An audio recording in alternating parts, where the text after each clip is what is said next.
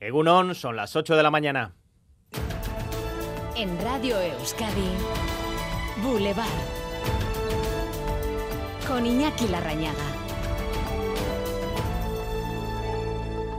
Algo menos de 10 kilómetros de mar separan la isla griega de Lesbos de las costas de Turquía. No alcanza la distancia que hay entre la playa de la Concha y la playa de Sarauts. Allí en Lesbos, a la vista de Europa, miles de migrantes, refugiados, se lanzan cada día al agua para cruzar las fronteras de forma irregular en busca de cobijo, cobijo europeo. Algunos se quedan en el camino y otros llegan a campamentos de refugiados de condiciones muy justas. Por eso allí ejercen tareas humanitarias voluntarios vascos de la asociación Saporeac, dedicada fundamentalmente a alimentar a los migrantes atrapados en esa isla mediterránea un proyecto apoyado por el gobierno vasco que visita in situ este escenario de tragedia humana y también de desidia europea. Allí está nuestra compañera y enviada especial Natalia Díaz. Egunon. Sí, una visita guiada por la propia Saporea, que el gobierno vasco quiere apoyarles, conocer aquí su trabajo, pero sobre todo facilitarles vías de colaboración con las instituciones locales que ahora son prácticamente nulas. Hasta hace tan solo unos meses, por ejemplo, nos cuentan que no les dejaban ni entrar al campo a repartir las comidas a los refugiados. La delegación vasca se dirige, de hecho, ahora mismo hasta allí, hasta el campo de Karatepe, donde va a ser recibida por las autoridades y donde malviven 3.300 refugiados. Algunos hasta siete años llevan esperando a que se les otorguen la carta de asilo y llegaron cruzando este agua, al marejeo, que os dejo para que escuchéis que estamos justo a pie de playa.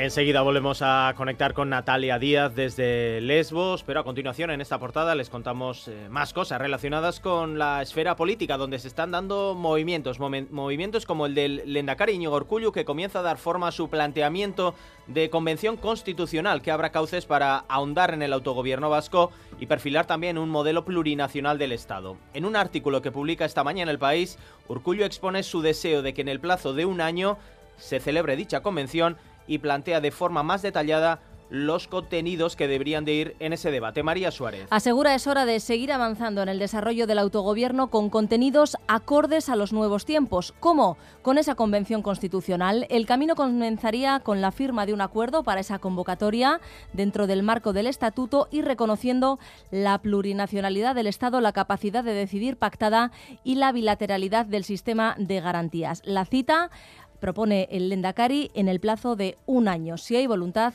dice Íñigo Urcuyu, el acuerdo es posible. El Lendakari que mantuvo ayer una conversación telefónica con Alberto Núñez Feijó de media hora y franca y provechosa, según ambos dirigentes. Urcuyu transmitía a Feijó que si quiere hablar de la investidura, eso sí, se dirija a los responsables del partido, del Partido Nacionalista Vasco. Una conversación unas horas después de que el líder popular le trasladara in situ a Sánchez una especie de propuesta de gobierno que le deje gobernar pero solo dos años, a cambio de acuerdos en seis ámbitos, incluidos eh, los, de la, eh, los del Poder Judicial, la renovación del Poder Judicial. La respuesta por parte del Partido Socialista, a la que ponía voz Pilar Alegría, la esperada, una especie de no es no.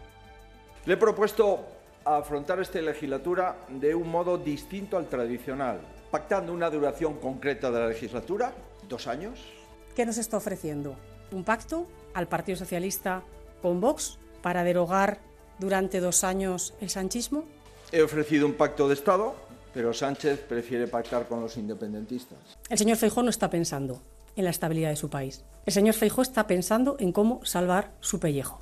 Mientras tanto, desde el Congreso de los Diputados llegan noticias sobre filtraciones en relación a acuerdos en materias relevantes como el del uso de las lenguas cooficiales en el Congreso. Partido Socialista y Esquerra tendrían ya muy adelantado una reforma del reglamento para que euskera, catalán y gallego no solo se puedan usar en la Cámara por voluntad política, en este caso de la presidenta Francina Armengol, sino que así, así lo recoja el propio reglamento.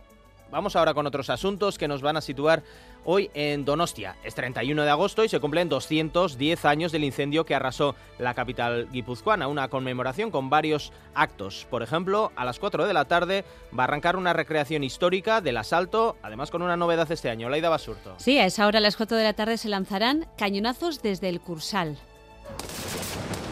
Y después, a lo largo de la tarde, se recreará la toma de la ciudad en la parte vieja con otra novedad, que no habrá disparos en las calles estrechas de la parte vieja Donostierra y a las nueve y media de la noche, como siempre, apagón del alumbrado en la calle 31 de agosto, la única que quedó en pie, para recordar a los 1.500 donostierras que fallecieron en el asalto de las tropas aliadas y la quema de la ciudad aquel 31 de agosto de 1813.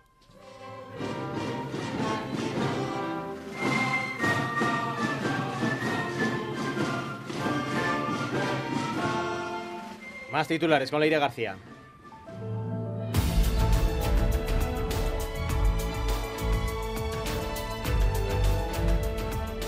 Les contamos que la empresa CAF ha cerrado tres naves en Beasain tras detectar contaminación por amianto en cuatro trabajadores. Detección de niveles leves según la dirección tras la retirada del tejado de uno de los pabellones. El cierre ha provocado que se haya detenido la actividad de unos 200 empleados. El comité de empresa estudia posibles acciones judiciales. La alcaldesa de Iruña anuncia que se va a celebrar una consulta popular sobre el parking previsto en la Plaza de la Cruz. Las obras han generado protestas vecinales. El grupo municipal del PSN ha anunciado que mañana viernes pedirá explicaciones en la Junta de Portavoces sobre los términos de esa consulta. Y en Donostia hoy se van a presentar los resultados de una operación policial a nivel internacional contra el tráfico de angulas. Una comparecencia en la que está prevista la participación de representantes de la Guardia Civil, Europol o la Policía de Francia y Portugal. Ertzaintza y Guardia Civil anunciaban este miércoles la desarticulación de una organización dedicada al tráfico de drogas que tenía en Gamifica su base de operaciones. Y en Donostia la histórica librería Lagun va a cerrar sus puertas y para esta tarde se ha organizado una despedida. El local se abrió hace 55 años y se convirtió en un símbolo contra el franquismo y contra ETA a partir de las diez y media de la mañana, hoy en Boulevard de Radio Euskadi,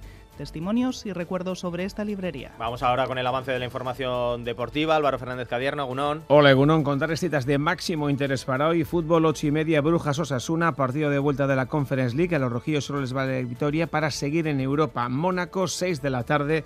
Sorteo de la fase de grupos de la Champions, la Real cruzando los dedos para evitar rivales como el City o el Bayern de Múnich y en la misma hora en Donostia clasificatoria masculina para la regata de la Concha. Boulevard. El tiempo. Pronóstico del tiempo, Euskalmenda, ayer a Barre de Gunón.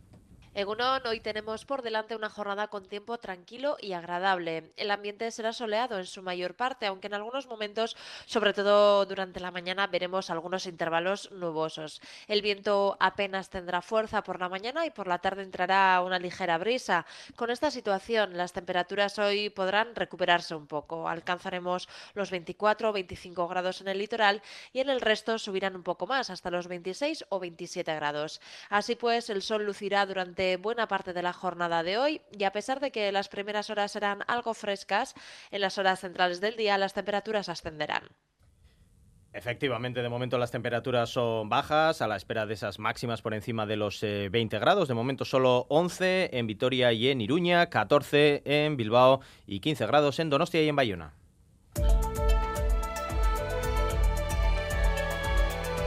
Boulevard. Tráfico. Y en las carreteras se va notando ya que regresa la rutina con más tráfico, más eh, incidencias también que las habituales en estas últimas semanas de verano. Así que vamos con el eh, repaso de la situación. Así es, Herrero. Hay dos kilómetros de retenciones en la N1 entre Villabona y Andoain en ambos sentidos por las obras en la vía y una avería de un vehículo sentido Irún. En la dirección técnica, Yayo Mejón y Joseba Ruela, comenzamos.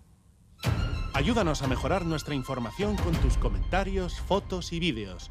Envíalos al WhatsApp de Radio Euskadi 688 840 840.